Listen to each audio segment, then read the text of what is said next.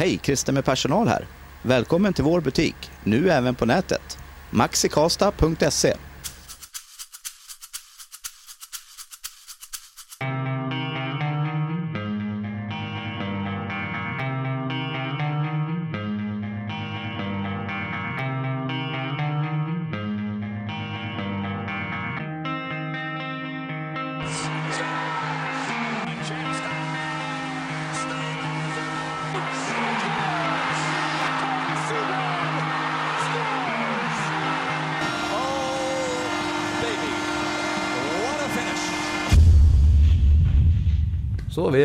vi är, tillbaka på ny, ny podd.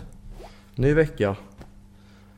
Och eh, nya intressanta samtalsämnen. Jag heter Fredrik Erlandsson, med mig sitter Filip Bjuresäter. Det är vi som gör Bure och tänkte prata hockey. Stämmer, mycket riktigt. Och idag har vi även några intervjuer att bjuda på också. Ja, det har vi. Och eh, vill du lägga upp en liten, eh, liten uppläggning för intervju nummer ett? Vi har inte bestämt vilken som ska vara ettan, men då Nej, väljer men, jag... Då nej, men då höftar jag. bestämmer du det nu tänkte Då höftar jag. jag det nu. Att han är lagkapten i Örebro. Har eh, varit i klubben i många, många år. Eh, Spelat i den sedan hela sedan division 1 sektionen hela vägen upp till Allsvenskan, upp till SHL, vilket vi också pratar en del om där. Vilka steg man måste ta som, eh, ja, som spelare helt enkelt och bli uppflyttad gentemot laget, kanske man inte riktigt är redo för det. Så eh, vi rullar väl intervju med Henrik Lövdahl. Yes. Sitter på pressläktaren i eh, Bern Arena Filip. Och med oss har vi. Henrik Lövdahl, han kan väl presentera sig själv? Ja, eh, Örebro-kille. Eh, spelat Örebro-hockey hela mitt liv. Eh, A-laget 18 år. Fyller 35 till sommar nu så man börjar se slutet på karriären. Men ja, fått vara med mycket. En stor hockeyresa genom eh, ja, Örebros eh, eh, resa genom de olika divisionerna. Ja, det är ju tämligen unikt där med att ha spelat i samma klubb i egentligen tre divisioner va? Både division 1, allsvenskan, SHL och hela karriären i stort sett va? Ja, eh, det stämmer. Eh, var väl ingenting man räknade med när man var i ettan att man skulle få uppleva. Allsvenskan hade man väl lite på känn att det inte var omöjligt men att SHL det, det är väldigt långt bort från division 1 så kul att få med om den här resan trots att man eh, ja, valt att stanna kvar och, och, och spela för klubben eh, som man växt upp i. Hur är det? Hur har det funkat som dig som spelare? Jag menar, det är ju ganska svårt att gå upp en division. Det har liksom inte blivit att du har gjort en bra säsong och fått ett erbjudande utan när du känt dig redo, utan det har bara blivit tack vare att klubben har gått så pass bra. Hur, hur, hur har liksom den utvecklingen fungerat? Ja, men, alltså vi hade ju ganska många år i ettan där, vi, där det ja, gick lite tungt för oss. Vi, vi var nära att gå upp flera år. Jag tror det var fem år på raken. Eh. Då, då var det stundtals lite sådär man funderade på om man skulle ta något, eh, något annat steg i karriären och så. Men eh, på något sätt har man känt att vi har hela tiden velat något. Eh, Micke Falander var väldigt drivande eh, och, och satsade hårt på hockeyn. Och det här var väl lite av hans vision på något sätt som vi därför, ja, kan, kan se idag. Och, eh, eh, fjädrad nöjd och glad eh, med facit i hand att man stannade och valde att vara med på hela resan. Sen givetvis så eh, kan man ju undra om man hade tagit steg, steget tidigare vart det hade tagit vägen. Ja det är ju alltså det är ju en ganska cool resa som, Örebro, har- som du och Örebro har gjort ändå med att ha gått från division 1 till allsvenskan och som du säger att ändå det fanns ändå, en vision i klubben.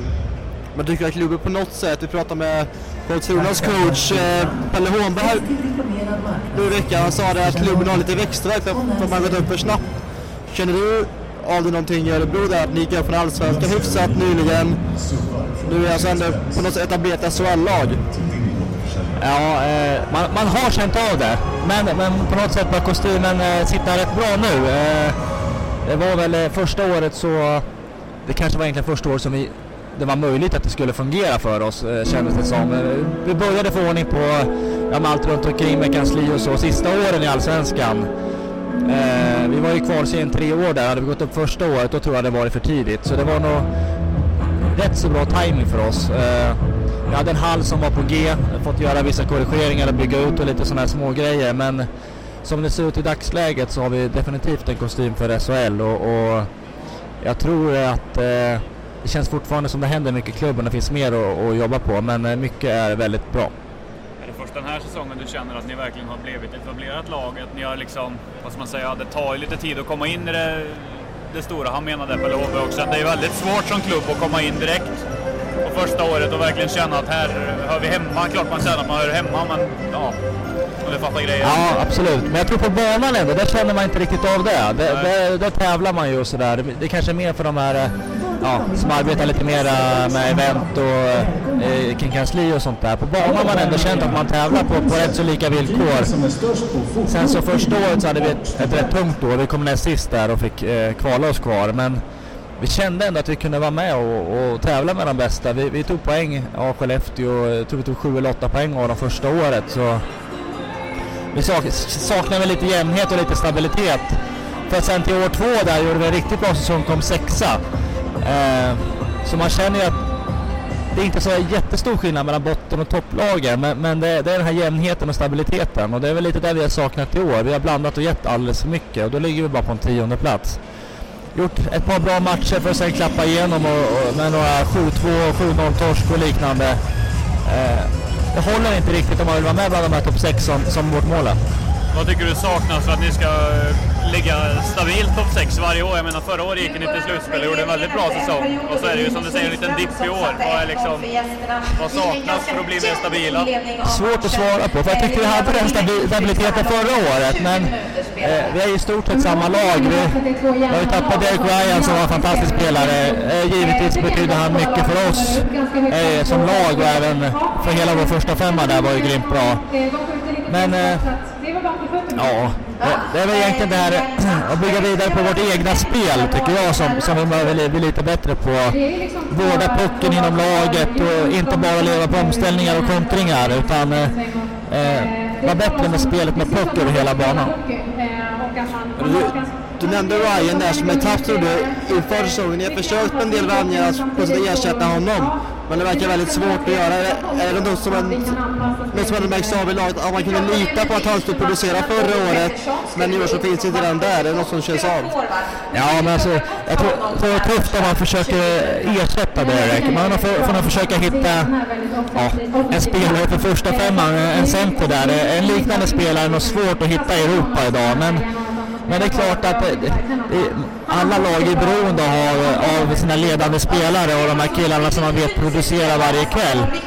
Eh, och han gjorde sina medspelare bra. Både Martin och Wiksten har gjort det helt okej okay och är duktiga hockeyspelare. Men de var på ytterligare en nivå tillsammans med Derek. Och det är väl, det är väl klart att vi, vi, vi saknar han och, och lider lite av att kanske inte riktigt ha hittat rätt i, i den positionen. Det är till och med två spelare som har varit inne och försökt där. Hur blir man osäker i truppen när det kommer en spelare, försvinner, kommer en ny, försvinner igen? Man inte riktigt får den stabiliteten man kanske söker. Ja, det är, det är väl inte optimalt på det sättet, men eh, samtidigt så vet alla som håller på i den här branschen att det kommer och går spelare. Sen att det har varit just i den positionen, det spelar väl kanske mindre roll. Eh, men eh, givetvis är det olyckligt.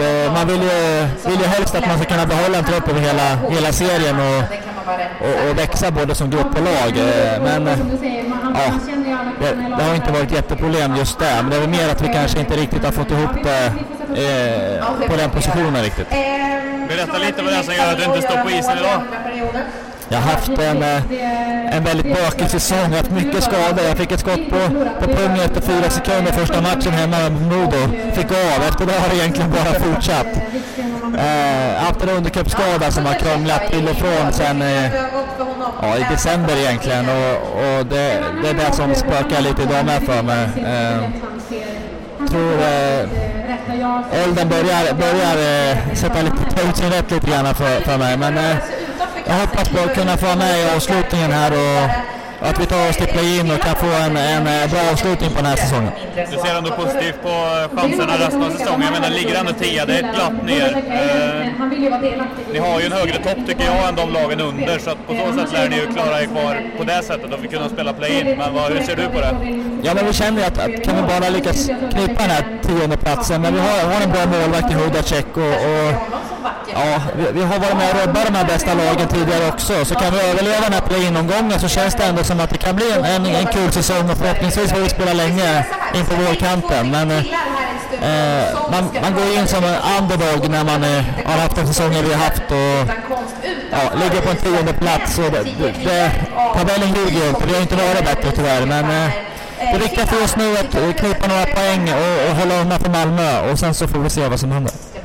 Slutspelserfarenheten i fjol, hur mycket betyder det inför i år? Jag menar, ni har ju ändå många kvar sedan förra året och det har ingjutit ändå ett mod i gruppen och, för, och ni vet vad det gäller. Vad, hur, hur ser du på det där? Eh, absolut. Jag tror det var mycket, mycket nytt förra året, både för, för laget och, och klubben. Men eh, vi gjorde ändå en helt okej kvartsfinal mot Växjö. Vi ledde hemma i, i sjätte matchen med 4-3, men de kvitterade med 20 sekunder kvar och vann i sadden där var vi från att pressa mästarna till en sjunde avgörande nere i Växjö. Så, eh, det är klart att det var, var kul och, och lärorikt att vara med och, och känna på den typen av hockey. Det blir lite annorlunda där när man möter varje, samma killar varje kväll och det blir lite tajtare, lite tuffare. Det, det märkte vi av och tycker vi gjorde det skapligt. Men, eh, Ja, vi, vi tyckte väl själva att vi förlorade lite för mycket kamper kring båda målen, att det var där Växjö slog ut oss på. Och så är det ju Johan Wiklander kanske Det som ser lite mer känsla i slutspel, i slutspel. Är någonting som, som du tycker passar din spelstil bättre? Var lite mer, mer hjärta än handled kanske? Hur kommer det sig Ja.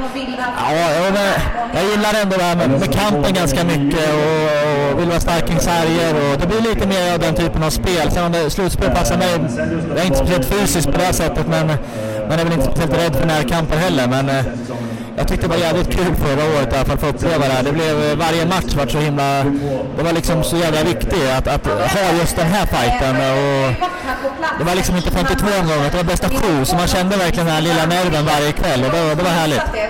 Beskriva den känslan för den som inte står på isen själv. Jag menar, alla säger att allt blir tätare och tuffare i ett slutspel, men vad mer specifikt är det som, som skruvas upp tycker du? Eh, nej, men jag tyckte man kände, just jag var inne på det här, kampen kring målen och det här. Det var tuffare att ta sig in, folk var Beredd att offra lite mer.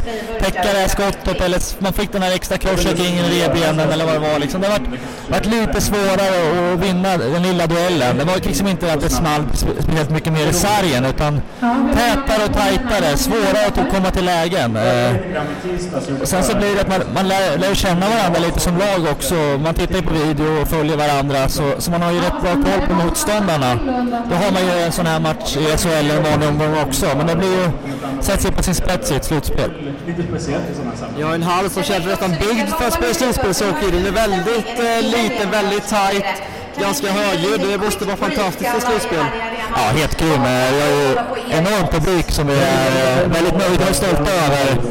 Eh, nästan lapplockar varje match och, och den är verkligen högljudd. Eh, jag har inte upplevt en, en bättre tryck i någon annan hall. Sen så när Örebro kommer kanske inte alltid är den finaste. Var på Hovet för ett tag sedan också var det galet. Men då var det Järnkaninarnas dag så det får vi ta på igenom. Men eh, eh, en vanlig, vanlig omgång här så är publiken grym. Och i ett slutspel kan, vi höja, kan publiken höja sig lite också och bära fram oss så, så, eh, så är det till stor hjälp. Ja, vi är ju båda från Karlsruhe. Jag minns väl med viss ångest eh, första matchen du hade i SHL. Jag stod i klacken då, det var, det var, det var ett helvete. Ja, eh, det var en häftig, häftig upplevelse. Det var väl en 3000 örebroare där. Det kändes som en hemmamatch. Och, eh, det var många, många örebroare som hade längtat efter den dagen. Och, eh, kul att få en del av det och uppleva det. Det var, det var magiskt. Jajamensan, efter straffar. tänkte spara på publikens eh, hjärnceller helt enkelt. Så då valde vi det.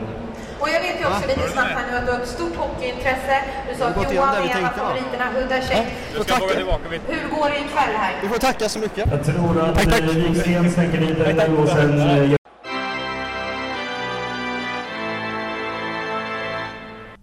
Vi får också passa på att be lite om ursäkt för ljudet som inte är, är det bästa. Akustiken i eh, Bern ishall är inte önskvärd vilket gör att man får dra upp volymen på alla högtalare till max. Ja, vi Vilket gör att trumhinnor sprängs. Vi kan ju säga som så att i de andra ishallar jag varit om runt i Sverige där det spelas SHL-hockey så brukar man skruva ner volymen när det är paus. Mm. Ingenting som skedde i Bern Arena utan där var det Nej, ungefär det var- samma nivå hela matchen. Nej, det, det var snarare det, det där TV4-syndromet som vissa TV-kanaler i Sverige tyvärr har. Att när eh, reklamen kommer då går, då går ljudet upp en, en, ett snäpp, eller tre, eller fem. Ja. Och i Bern ishall så gick den upp ungefär 85 snäpp Mm. på en 10-gradig skala. Vi satt på den trånga pressläktaren med Henrik Lövdahl. Ja, alltså pressläktaren får man säga, det är väl det är bra platser. Det är väl den, det är väl den pressläktaren i Sverige som kanske har bäst platser. Men eh, också det utrymmet i Sverige som har minst spelutrymme. Ja, det var trångt kan man säga. Och nu är jag, och nu är jag och Filip, vi, vi är hyfsat långa men vi är inte så långa. Vi är väl... Och du har ju jobbigare än vad jag har om vi säger så. Ja, jag är en 88 och har rätt långa ben. Filip du är en 85 Fan. och har hyfsat långa ben också. Mm. Jag är bara glad att det, att det inte var min bror som satt där som ännu längre ben än vad jag har. Jävla älgknä. Men eh, vad tycker vi om Lövdahl-intervjun? Om vi bara får sammanfatta den lite snabbt. Ge en liten Den var bra tycker jag. Han gillar att prata kan vi säga. Mm. Han eh, svarade så glatt på allt vi hade att ställa frågor till han. Nu, vad ska man säga? Som jag sa tidigare, han, är lite, han har en lite speciell relation både till klubben och till eh, till de flesta fans antar jag med tanke på att han har varit med så länge. Han är fostrad i Örebro. Det är väl egentligen den enda klubben han representerar. Jag tror han representerar någon annan klubb i Örebroområdet. Men utöver det så är det ju bara ÖHK som han har haft som eh, Ja, han, klubbadress. han är väl en symbol om man ser bara rent hockeymässigt för Örebro och Örebro Hockey. Som få eller ingen spelare i Sverige har. Alltså den statusen i, inom klubben. Och eh, att han inte får mer cred från eh, ja, media kan vi säga. Nu ska vi inte säga att Lövdahl kanske är den mest flashiga spelaren. Nej, men det, det är inte det jag vill säga ut- utan det jag vill säga att, är att han är unik i hockey-Sverige och egentligen idrotts-Sverige på det sättet att han bara haft en klubb under hela, karriären. Han har spelat i tre divisioner med vilket också gör honom unik i hockey-Sverige om jag inte är helt ute och cyklar. I- han är ju i i, alla fall i en tid- fin skara i alla fall kan man I säga. modern tid kan vi tillägga. Och, det finns ju inte många andra som har han har lyckats också, med det. han har också och spelat upp föreningen från division 1, allsvenskan upp till SHL. Vet du, det, finns, det, det finns säkert någon aik som har gjort samma sak. Kan tänka mig till Blomdal eller någon kanske. Men utöver det så är han nog eh, rätt unik. Sen är det också det att han har ju spelat upp klubbarna ganska fort. Han sa ju det att när han var i division 1 så kände han sig redo för att ta steget till Allsvenskan. Och var ju funderade ju på att flytta. Men eh, klubben i sig tog ju då och tog steget upp. Mm. Och han sa, han sa också det att de har kommit in i SHL-kostymen successivt under de senaste åren. Man kanske först var förra året som de verkligen passade bra. Sen i år så kanske man har lagt på sig lite runt magen. Kostymen sitter inte lika, inte riktigt lika bra längre så man får ta den till skräddaren och se om den. Vi, prat, vi sa ju, Vilken eller Holmberg sa ju det, han, han, han hänvisade till att Karlskrona hade växtverk. Ja. Och, Eh, eh, Lövdahl ville väl känna av lite samma syndrom, men ifall de såklart att Örebro är ju etablerat sig även ifall de är... Ja, de kommer ju bli ett slutspelslag i år med tanke på att vi har det här play-in, men... Ja, eller om, om, om du nu kan klassa play-in som ett slutspel. Det, Det är ju åttondelsfinal i år tror jag, så det är Jo slutspel. men, jo men de har döpt det till det. det. Det är ju bara bullshit ändå. Det är fortfarande bara ett jävla jippo. Eh, och om man nu ska kalla det för slutspel så är det dumt av SHL också att gå ut med och säga att ett visst lags slutspelsstreak tog slut förra året. Då, då lever den ju fortfarande. Fast då var det play-in och nu är det åttondel, så nu är det slutspel i år. men det är fortfarande samma koncept och samma grej. Ja, det är det. Alltså SHL är ju de... Det är svårt att göra alltså, idrottssatir i Sverige för att man har ligor som gör, som gör satiren åt dem. Alltså SHL gör ju, gör ju satir av sig själv. Ja, i mångt och mycket. Fotbollsförbundet gör också satir av sig själv. Simon gör- är också en satir av sig själv. När man klagar på bengaler och använder alltså, läktare med bengaler i sin marknadsföring. Alltså, det är ju svårt att göra parodi på parodier. När parodin från början är ett jävla skämt. Hur som helst. Eh, intervju nummer två kan vi ju gå in på. Ja. Eh, och eh, ska jag ta den? Det kan du absolut göra. Han eh, var med och avgjorde tror jag en VM-final 90-tal någon gång, 98 kanske. När Sverige har VM-guld. Var han med 92? Nej, det var han nog fan inte. Kanske inte. Nej. Ja, det är väl något guld under, under 90-talet. Back. Inte, inte jättestor till växten. Stor i orden. Märkte vi. Tyckte om att prata. Det gjorde han verkligen. Försöker få till en längre podd med honom. Eh, assisterande tränare i Örebro är också aktuell med att han kommer ta över landslaget under VM. Som, assister- eller som kommer assisterande istället för Granborg under VM. Eh, inget mer om det nu, det kan vi nog ta i en senare podd närmare VM. Vad vi tycker och tänker. Jag tror att eh, de flesta är nog eh, som har lyssnat på podden under de senaste 52 veckorna. Vet nog vad vi tycker om eh, både Grönborg och Mårts. Och att, eh, ja, vi lämnar det där. Eh, Men eh, podd, intervju nummer två är med Johan Thornberg. Varsågoda.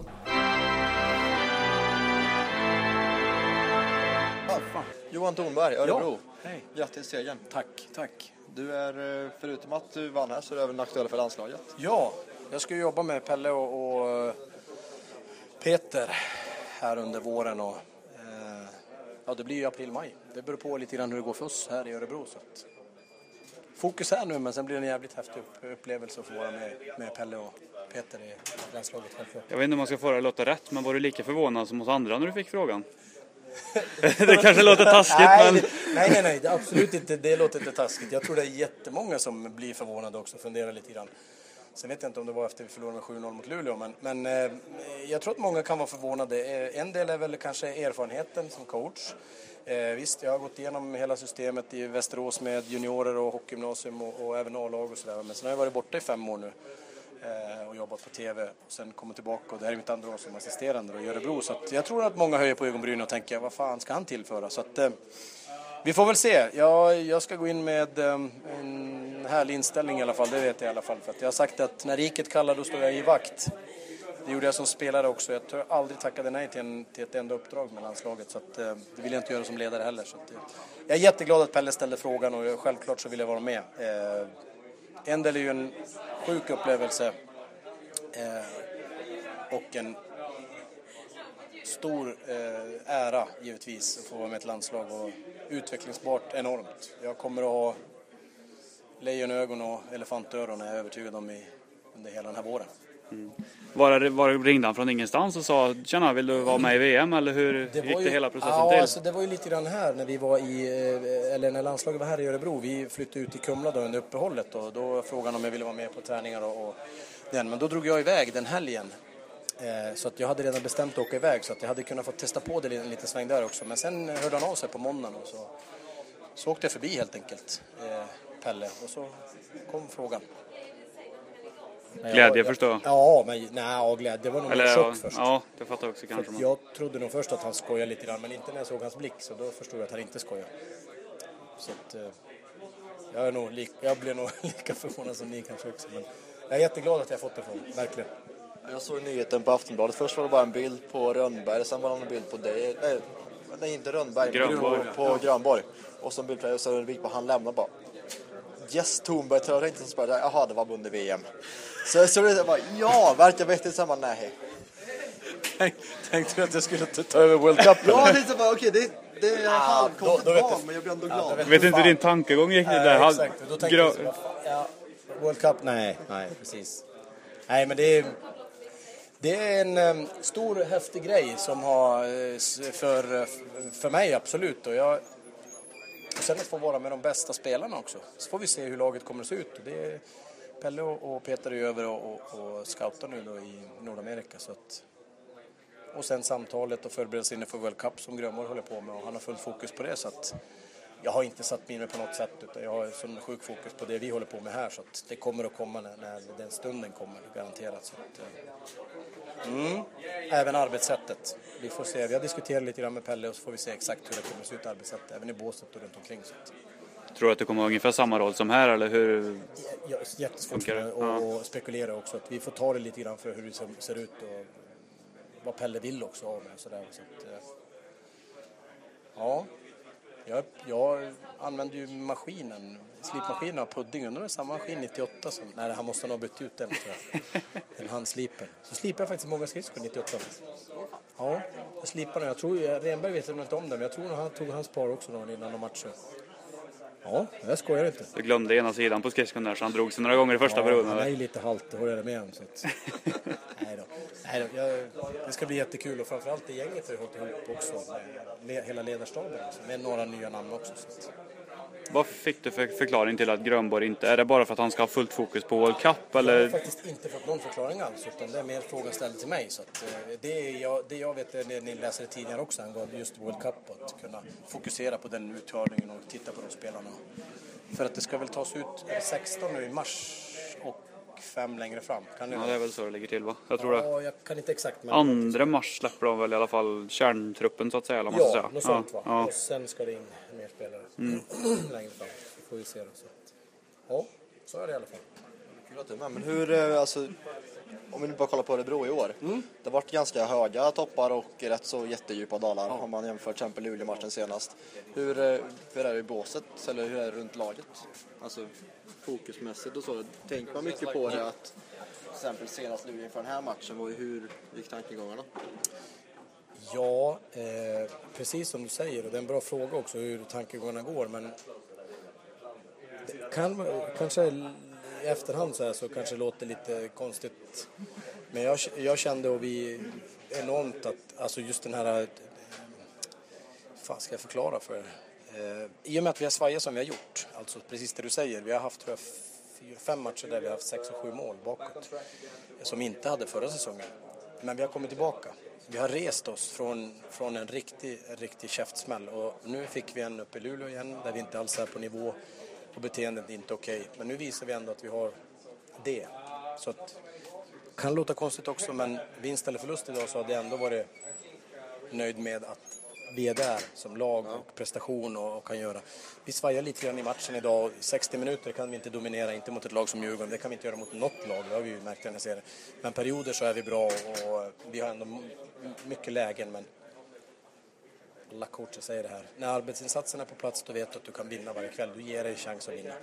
Tappar vi lite grann, några procent, då är det 5, 6 och 7 mål. Och så får det inte se ut. Det är inte, det är inte SHL-nivå på det. Så att vi lär oss. Det är tredje året i SHL och vi, vi, vi får utvecklas när det gäller sånt också. Men jag säger fortfarande, att komma tillbaka och vända ansikte, vända blad, det är starkt. Och det ska vi vara glada för att vi kan. Det är väl också som gör, som gör ett lag att, att de inte ligger i botten utan att man kan vända en sån trend. Alltså att när det börjar gå neråt att man stöter bara stöter tillbaka äntligen på... Och just den här opåverkbarheten, alltså på det att okej då, det har hänt. Skrapa av er och sen upp igen. Och ta inte med dig Luleå-matchen och vi ska inte som ledare heller, vi får inte göra. Attitydsmässigt så får inte vi komma ut som blöta katter här i, i, under gårdagen och idag. Det finns inte en chans.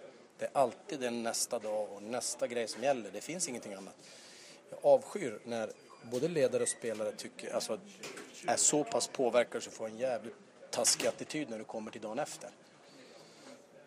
Det är enormt viktigt och där är ju också en utvecklingspotential tror jag på många spelare och även ledare att det går inte. Fasen, man pratar om solen går upp men det är ju det det handlar om. Att vi, vänd blad. Direkt när du vaknar så är det bara du själv som kan påverka vad du tänker. Och tänker du negativt då får du fan somna om och så får du vakna igen och så tänka positivt. That's it. På med arbetsskorna igen. Vad säger man till gruppen som leder efter en sån match? Är det bara att ta den här matchen, slänga den i soptunnan och så går vi vidare? Eller ska ni... Små, vara- små korta samtal bara med Ja. gruppen och vi har gjort det förut, vi gör det igen. Är vi överens? Bra. Spelarna är överens, de vet att vi har gjort det, de tittar på varandra, de ställer upp för det. Det är också lite grann av en, en tycker jag, en styrka i en grupp att kunna göra det. Det ser vi på laddningen, förberedelser, alla vill vara med. JV börjar direkt med att täcka skott, två stycken idag. Det sätter igång systemet på en gång hos andra också. Så att, som sagt, när det är på plats då är det bra. Det är, attitydsmässigt så är det jävligt bra. Ser man till dagens match så gjorde ni ändå en stabil insats mot ett bra lag om man jämför med vad ni... Jag såg inte matchen senast, men vad ni hade, om man läste på resultattavlan i alla fall. Ja, nej men det är inte ens, det, det vi gjorde där, det, jag tror att det är många, ja, vi, får allt, vi får ju de frågorna på en gång och i och med att vi har haft eh, Karlskrona borta 8-2, vi har haft HV borta 6-1 eller 6-2, vi har haft eh, 7-2 matcher mot Rögle. Alla skakar till på något sätt. Men det ju, ska inte vi göra. Men vi måste fortfarande, jag kan kanske tycka att en eller max två matcher kan det hända. Då kan, på något sätt kan man ha en acceptans, men nästan inte ens det. Eh, så att, men vi har haft fyra eller fem. Det är inte på nivå. Det får inte hända. Det får det inte göra. Så lycka till för resten av säsongen. Och eh, lycka Fan, till i VM. prata Jag vill ju prata mer. Nej, jag skojar. Du får fortsätta om du vill. Nej. Vi kämpar vidare och ni får kriga på. Ja, tack så mycket. Bra. Lycka Ha det till bra. med allting och- Ja, tack själv. Tack för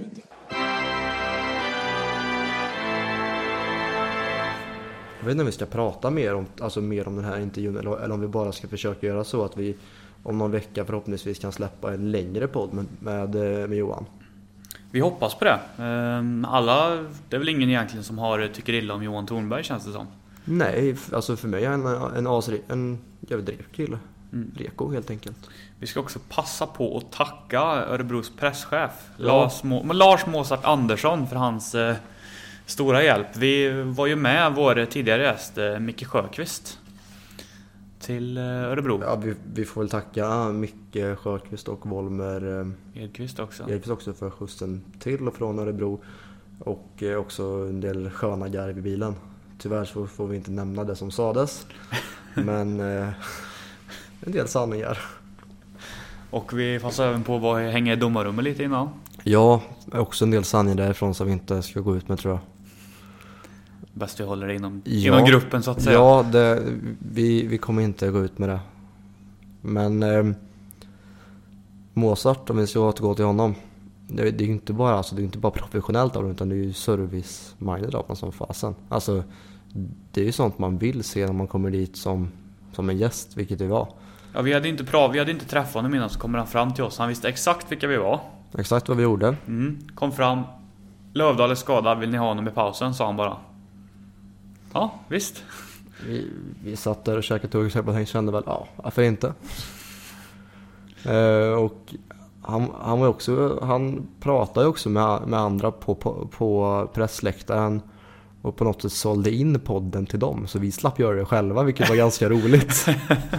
Vi hamnade där blev någon scout från Buffalo, Fredrik eh, Andersson. va? Vi försökte få till med honom, han var tvungen att gå tyvärr. Ja, och sen hade han lite chefer där som tydligen var högre upp i prioriteringsrangen än vad vi var. Ja. Konstigt nog. Men eh, en big shoutout till Mozart. Mycket bra faktiskt. In, i- inte bara för att det är ett bra smeknamn men också för att eh, sjukt bra jobbat. Mycket, mycket bra jobbat. Hej, Christer med personal här.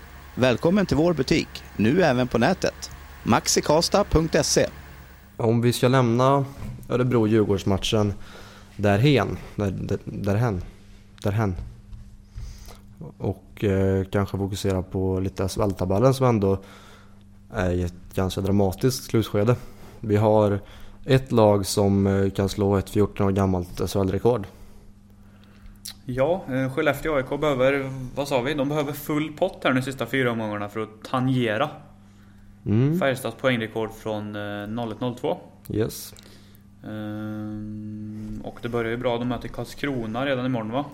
Ja, Så att eh, det är ju inte helt otänkbart att man eh, får en bra start på det där rekordet. Även ifall vi har sett i slutet nu att Karlskrona är eh, faktiskt inte helt att leka med. Karlskrona har ju, vad ska man säga? De har ju oroat lite senaste tiden. Vi kan väl tillägga också att vi som är en ganska stor vurmare för att man ska slå rekord under de matcherna som tidigare rekordet var på. Så är det två matcher upp för Skellefteå. Alltså det är 52 matcher nu i serien, det var 50-02. Men det är skitsamma egentligen. Eh, fortfarande. Det är ju mer skitsam än om vi ska se till att folk jagar typ när Mark Galden var i Växjö för några år sedan och han fick kanonstart på poängproduktionen. Och det snackas om att han kommer slå Håkan Loobs poängrekord ja, men Men den, ska du slå Håkan Loos poängrekord, då är det, det är 76 poäng va? Mm. Då ska du göra det på 36 matcher. Inte på 55. Då har du slagit rekordet. Ja. I min mening. Ja, det är min mening också. Eh, men då blir det intressant. Säg att det skulle komma någon i NHL rent, re- rent hypotetiskt och slå Gretzkys poängrekord. Men gör det på fler matcher. Ja, då skulle ju han komma med i historieböckerna, men det är ju fel. Ja, men, jo, jo men alltså, säg att det skiljer Menar du totala poängrekordet eller på en säsong eller vad tänker totala du? poängrekordet. Alltså det är någon jävel som måste verkligen spruta in poäng. Ja. Vi- Vi kan leka med tanken att... Conor eh, McDavid gör det. Nej, vi leker med tanken att Austin Matthews gör det. För han Okej. kommer in i ligan nästa år. Vi har alltså, han står på noll nu. Mm. Ma- Men han sprutar in poäng. Och också slutar med att han, när han lägger av så har han spelat 200 matcher mer än Gretzky. Men han har fem poäng mer. Ja. Det är samma sak där, om man ska se på den på det sättet också. Loob jämfört idag, alltså det går inte att jämföra. Nej. Det är nästan två olika sporter. Mm. Samma sak när Gretzky spelar idag. Matthews, om han skulle göra det nu, hans prestation är ju så mycket större och så mycket bättre egentligen än den Gretzky gjorde då. Ja, det, det är kanske därför man ska införa rent bara poängmässigt spelare. Ett modernare inom citattecken. Och ett äldre rekord. Fast när ska man dra det moderna och när ska man dra det äldre? Det är det som är frågan. Jag tycker att... Efter lockouten har ju spelet förändrats avsevärt. Mm, jag tycker antingen lockouten eller 2000-talet. Alltså lockouten 05 tänker vi på nu. Nej, 94. Nej men alltså att inte folk tänker 0, 2012 eller 2013 eller Ja, va? jo, det är 04-05 vi Mm. pratar om när vi ser lockouten. Den riktiga stora lockouten. För det var då det gjordes ganska stora förändringar runt om i NHL. Ja. Det här man drog ner det här med hakningar och lite ryggsäckshockey och det blev lönetak och liksom hela Hela businessen blev en annan sak. Ja, det var väl där man la grund till att man, till att man förändrar sporten och det är därför vi kan också säga att sporten är så förändrad som den är nu. Mm. Visst att, att skydden blev större och det blev färre mål. Ja, men det, men, det, men det var fortfarande så att det var ganska fritt fram med hakningar, slashningar och interference och allt möjligt. Ja, det är ju bara att dra på en elitseriematch från 97 liksom och kolla hur de... Jo, men, egentligen så räcker det att kolla med, alltså typ kolla highlights från en match. Detroit när de var där 01, 02 eller vad det var. Ja, eller typ kolla matchvinnande målet 99 Stanley Cup som Hull gör. Eller bara kolla en match Detroit, Colorado från 01 typ. Jo, fast det, det är ett extremt exempel. Men just det, det matchvinnande målet.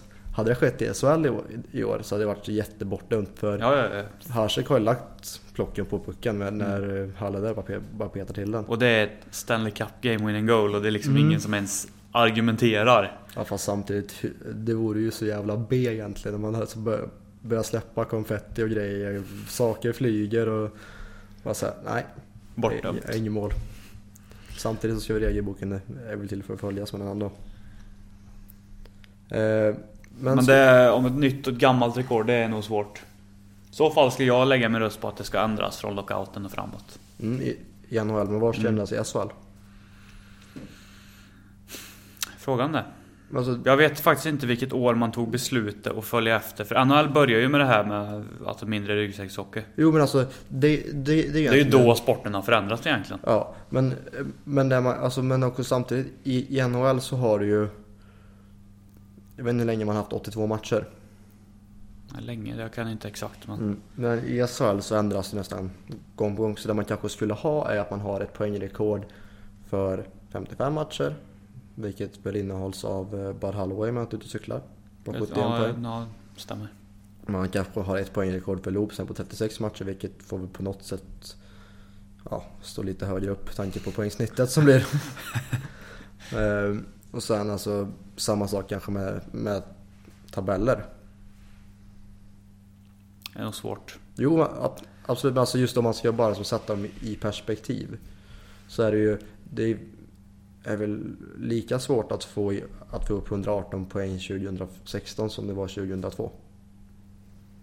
Alltså du ska fortfarande vinna si och så många ma- matcher. Ja, alltså är ligan var ju inte poäng. dålig 02. Nej. Okej att det laget inte skulle stå sig bra. Alltså det 02-laget skulle inte stå sig bra i år för att hockeyn ser annorlunda ut. Ja, det är, ju, det är ju helt annorlunda om man tittar på det spelet som Färjestad spelade när de var, var så framgångsrika 02. Den här riktiga Ja men det är väl jävla bara... styrspel, upp, eller Ja, men, ja, det är väl bara att kolla på hur Färjestad har gått de senaste åren. Mm, fast då hade man ju mer framgångsrik variant av det. För nu har man ju gått över till någon typ av halvting, till ganska hög forecheck. Och ibland styrspel, så det är liksom sådär mellanting. Så att då var man ju strikt, in, eller strikt inställda på det här, för då var ju spelarna så pass länge i varje lag så man, gav, man lärde sig spelsystemet in och ut. Mm. Jag menar, hoppar du mellan Färjestad och Skellefteå då är det ganska så mycket annorlunda. Ja, det är väl därför det kan vara så att en spelare lyckas jättebra i en klubb och sen kommer det annan så är det världens flopp. Mm. Och vice versa. Precis. Det, det, är inte, det är inte jätteofta det är en spelare som lyckas jättebra i två klubbar. Men- Men om man ska säga så, det är ju skumt att Tony Rajala lyckas så bra i Färjestad. Men inte alls i Luleå. Han är, han är ändå tvåa i Luleå som tränar poängliga. Ja, men han har fått jävligt mycket skit. Ja, men egentligen så är det nästan samma med Rynep. Han har nästan samma poängsnitt i Färjestad under, jag vet inte om man har det fortfarande, man hade det under ett tag, som man hade i Leksand. Jag kollar förut, Ryn har gjort 17 poäng på nästan 45 matcher, eller på 42 matcher. Ja, det, det det är ju inte i närheten av samma poängsnitt ändå. Nej. Men alltså, jag, jag tror att vid jul så, så var det samma poängsnitt. Alltså Rynos början på säsongen var ju betydligt bättre än vad den varit nu efter jul. Ja, det känns svårt att säga, men det var den. Mm. Men Rajala får nästan of- oförskämt mycket skit just nu. Om man, om man ser till hur han ligger i, deras, i, i, i Luleås poängliga. Rajala är ju en gamebreaker. Vi har, vi har snackat om Jo, det. alltså- Vi har snackat om det när vi har kommenterat hockey tidigare. Att alltså, en, sån, en riktig målskytt kan vara en sån spelare som... Han är borta i matcher. Sen bara, Och sen helt plötsligt står han på rätt plats vid rätt tillfälle och pu- pucken på, på bladet så sitter han ist- ja, istället. men, ja, det, det kan ju också vara så med, med en poänggörare att han kan göra en match som man tänker fan vad dålig han var idag. Men så ska de bara, "Ja, han hade tre assist. Mm.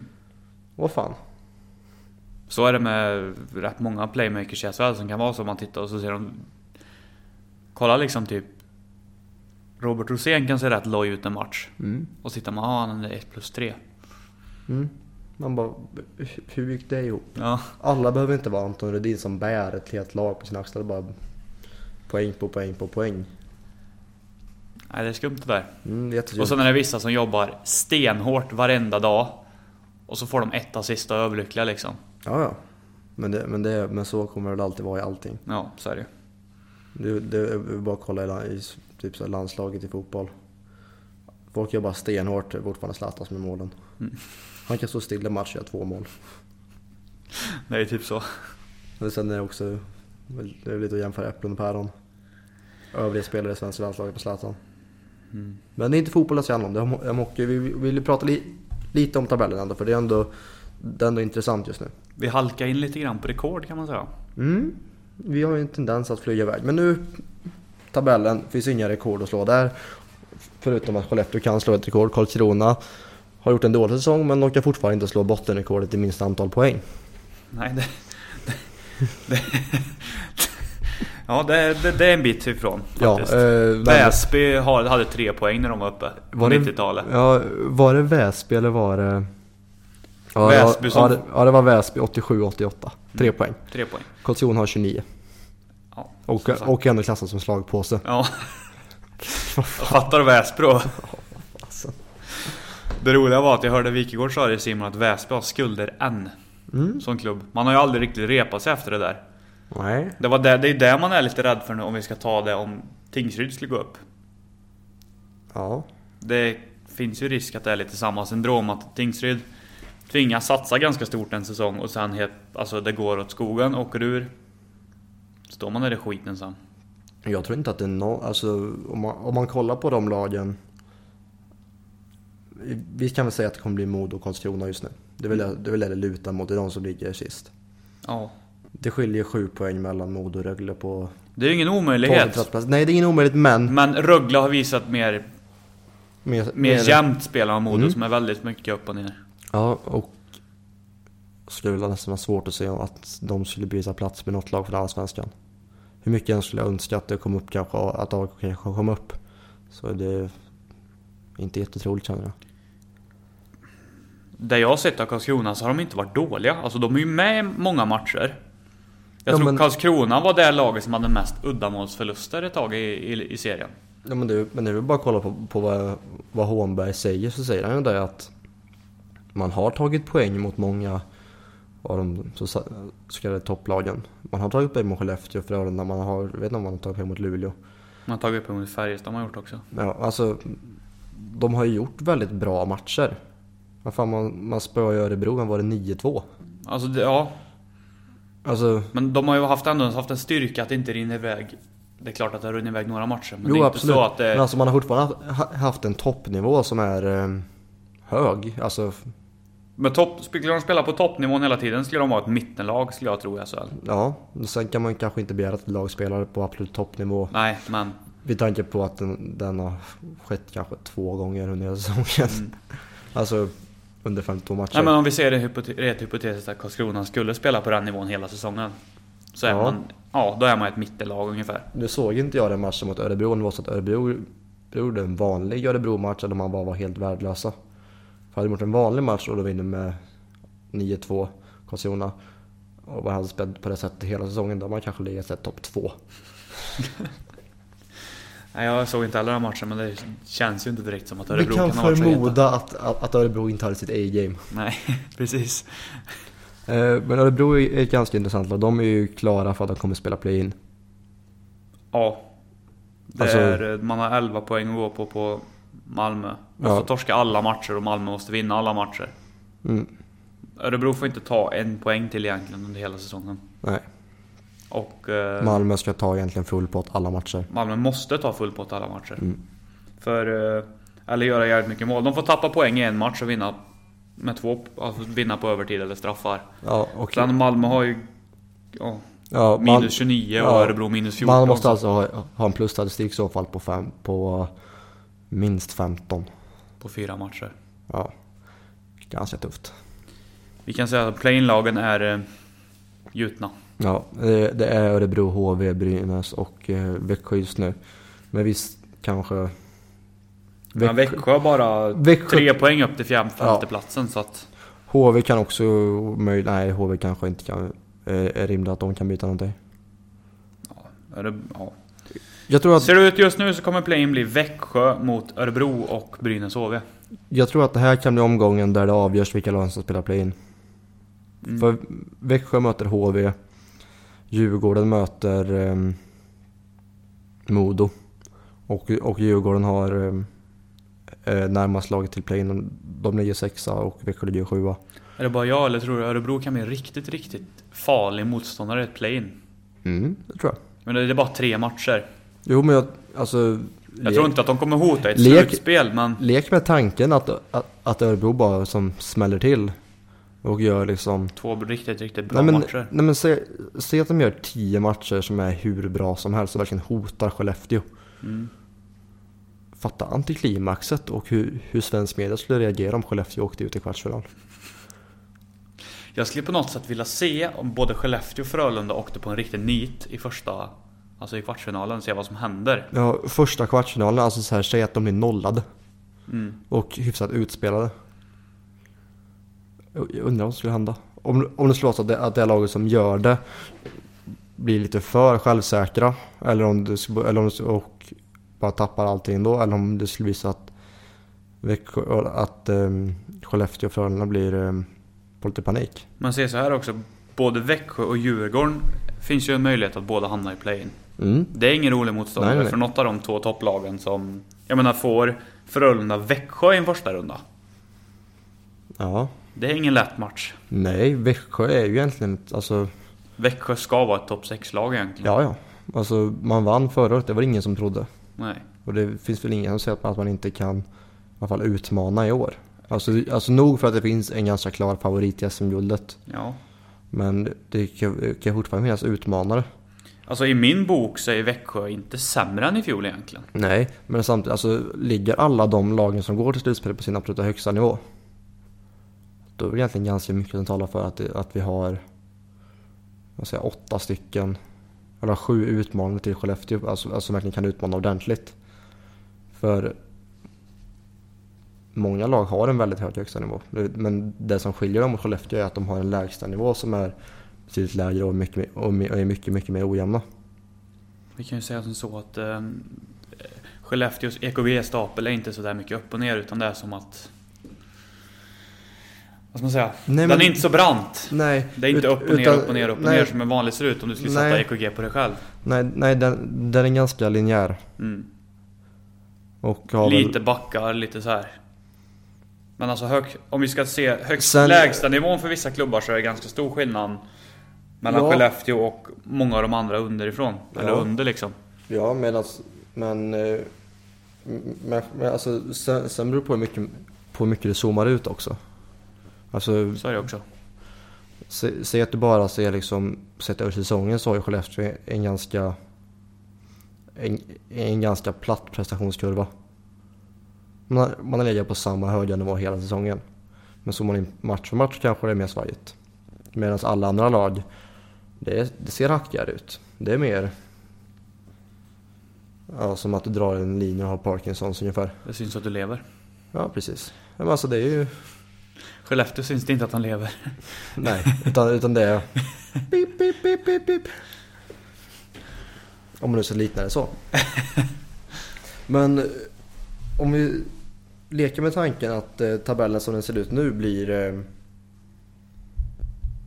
sluttabellen. Mm. Då kommer vi alltså få Och då säger vi också att, att, att play-in-lagen är, är klara som de är också, att, åttan, eller att sjuan och åttan går vidare. Då säger jag att play-in-lagen som vinner är HV och Växjö. Mm, jag är eh, beredd att hålla med. Mm. Eh, Då får vi alltså HV mot Skellefteå. Ja, och Växjö mot Frölunda. Mm. Ska vi ge oss på att tippa skiten? Innan vi ens vet. Ja. HV Skellefteå. Jag säger 4-1 i matchen till Skellefteå. Mm. Det är ingen dum tipp. Alltså, jag, jag, jag tror att HV kan vinna första matchen. Frölunda... Växjö tror jag ändå skulle kunna gå ganska... Alltså det är ingen omöjlighet att det går till sju. Jag tror att, att det kan gå till 7 med Växjö-vinst. Det är ingen omöjlighet. Nej. Jag, jag, jag- tror Växjö kan sno sista matchen i Skandinavien. Då tycker du dock att vi ska ge oss på ett riktigt tips sen när allt är klart. Ja, ja. Klappat och klart så vi vet hur, det, absolut, hur det ser absolut, ut. Men, Men... eh, jag tycker vi kör nu också. Bara för skojs skull. Ja, visst. Vad tror du Växjö Frölunda? 7 säger du. Mm, Frölunda vinner i sju. Luleå mot Djurgården. Djurgården är 5. Tror du på Djurgården där? Mm. Luleå i sex. Färjestad LHC kommer gå till sju matcher. Ja. Övertid i match sju. Övertid match 7. Med en otippad matchvinnare. Det är typ... Jag tror Tollefsen, Tollefsen eller Rahimi. Ja, säga. Tollefsen eller Rahimi avgör. Och så här gör max två kassar på en säsong. Ja, och, och det kommer vara en, en slumppuck som studsar på en motståndarskridsko. Det kan vara så att, att pucken studsar på Rahimis skridsko eller Tollefsens skridsko när Tollefsen eller Rahimi skjuter. Mm, det är ingen omöjlighet heller. Nej. Jag tror att det är fullt möjligt att det kan bli så. Studsar på skridskon, knackas ner i isen, studsar upp och över plockhandske på någon av målvakterna. Eller bara såhär studsar, typ så här, träffar kant benskydd och bara studsar in. Mm. Jag tror att det kan bli något sånt som avgör. Ja, Det är ingen omöjlighet. Absolut inte. Eller så blir det 4-0 till något av lagen. Och att varje match slutar med så här sadden-avgörande eller uddamål. Det skulle vara en jämn serie. Mm. Jag tror att det kan bli många jämna serier. Alltså blir det så som vi säger nu så är det ju väldigt alltså, ett hyperintressant slutspel för det är många sköna matchserier. Mm. Jag menar Luleå och Djurgården ligger ju ändå någonting i luften här med Johan Forsbergs armbåge på Färnholm i fjol. Ja, det gör det. Där det på något sätt har varit lite irriterat varje gång de har mötts sen dess. Frölunda-Växjö... är ju- Var det Växjö som såg ut Frölunda igår? Eller i fjol? Mm. Det var det va? Vi Det är också någonting som ligger och pyr egentligen. Ja. ehm. Det som kanske är minst rivalitet blir väl då helt enkelt eh, Skellefteå och eh, vad sa vi? HV. HV och Färjestad-Linköping. Mm. Skellefteå HV är inte di- direkt derby så att... Nej, och det finns väl ingen direkt ingrodd rivalitet heller. Nej. Och Färjestad-Linköping finns det ju absolut, absolut ingenting mellan. Nej men alltså de har ju Det är försökt att det få någonting men... någon bra match och sen kanske att, det, att ett lags fans är lite kaxiga för att de, har, för att de råkar ha någon mer liksom SM-guldsbanner än andra klubben. Någon mer. Någon mer. En nio gånger mer. Nej, det är nio mer. Inte nio gånger mer. Det är sånt. Nio mer. Mm. Ehm, ja, men vi, vi, vi kan väl säga så att det blir, att det blir ett, ett intressant slutspel. Mycket Och riktigt. en eh, rafflande avslutning på serien. Rafflande. Ja, det drar ju alltså igång så här, sista fyra matcherna. Drar igång eh, för första matchen imorgon va? Japp. Om jag inte är ute och cyklar. ja. Och eh, sen är det onsdag och sen så rullar det bara på som vanligt. Med ojämna matchdagar och ingen riktigt vet när det är. Men vi kan vara säkra på att Simon inte kommer sända en allsvensk match under- under hela resten av säsongen. Om du inte har Simor Play. Mm. Eh, om, om ni ser stillbilder Men det var C-Sports va, som hade problem med det. Simor Play tror jag inte har haft problem med stillbilder. Jag har hört att det är jättemycket klagomål på det också. Alltså just på Allsvenskan. Ja, Allsvenskan känns ju inte riktigt lika het i år som den gjorde i fjol. Eh, Vi, vi har varit inne på det förut att eh, Det är pinsamt. ja. Att Simon inte behandlar sin, den produkten väl alls. Jag fattar inte varför man köpte upp den. Ja, för att man kan känna att ja, vi har konkurrens här från Viasat. Vi borde göra någonting åt det. Vi, vi har råd just nu. Mm. Nej, vi köper det. Typ. Man köpte ju golf från Viasat också. det. Köper man Zachrisson också då eller? Jag vet inte faktiskt. Ändå höjer Viasat avgiften. Dubblar, mer än dubblar avgiften på Viaplay. Mm. De nya... Alltså liksom så här. Det här är en sak jag tycker vi skulle kunna prata om egentligen. Att Viaplay borde ju göra, lägga upp att man får välja själv vilka serier man vill ha tillgång till. Alltså, Jag tittar inte La Liga eller Serie A som de har köpt in liksom. Ja. Alltså, så- samtidigt så kollar jag väldigt sällan på fotboll. Ja det är sant. Det jag kan kolla är kanske engelska ligan Ja. Premier League kan man kolla ibland. För, förutom det som jag får någon glimt av på jobbet. Mm. Vilket tror jag är varenda match som sänds på TV. Jag har sett så mycket cykel. Jag har aldrig sett så mycket cykel någon gång i hela mitt liv. För att Eurosport alltid sänder cykel och snooker. Ja, det är väl Eurosports eh, go-to eh, så att Jag säga. säger söndag på O'Learys. Vad, vad visas? Ja, fram till en, någon vettig match så är det repriser på Eurosport. Mm. För att vi måste visa någonting. Och det är bättre att visa det än en meny. Det, det, det drar inte folk direkt. Det är mer liv i sporten än meny menar du? Det finns begravningar med liv än snooker men det ska vi inte, det, det kanske inte prata om. Är inte snookerpodden där i alla fall? Nej, vi får väl tacka så mycket för att ni lyssnade på Snookerpodden.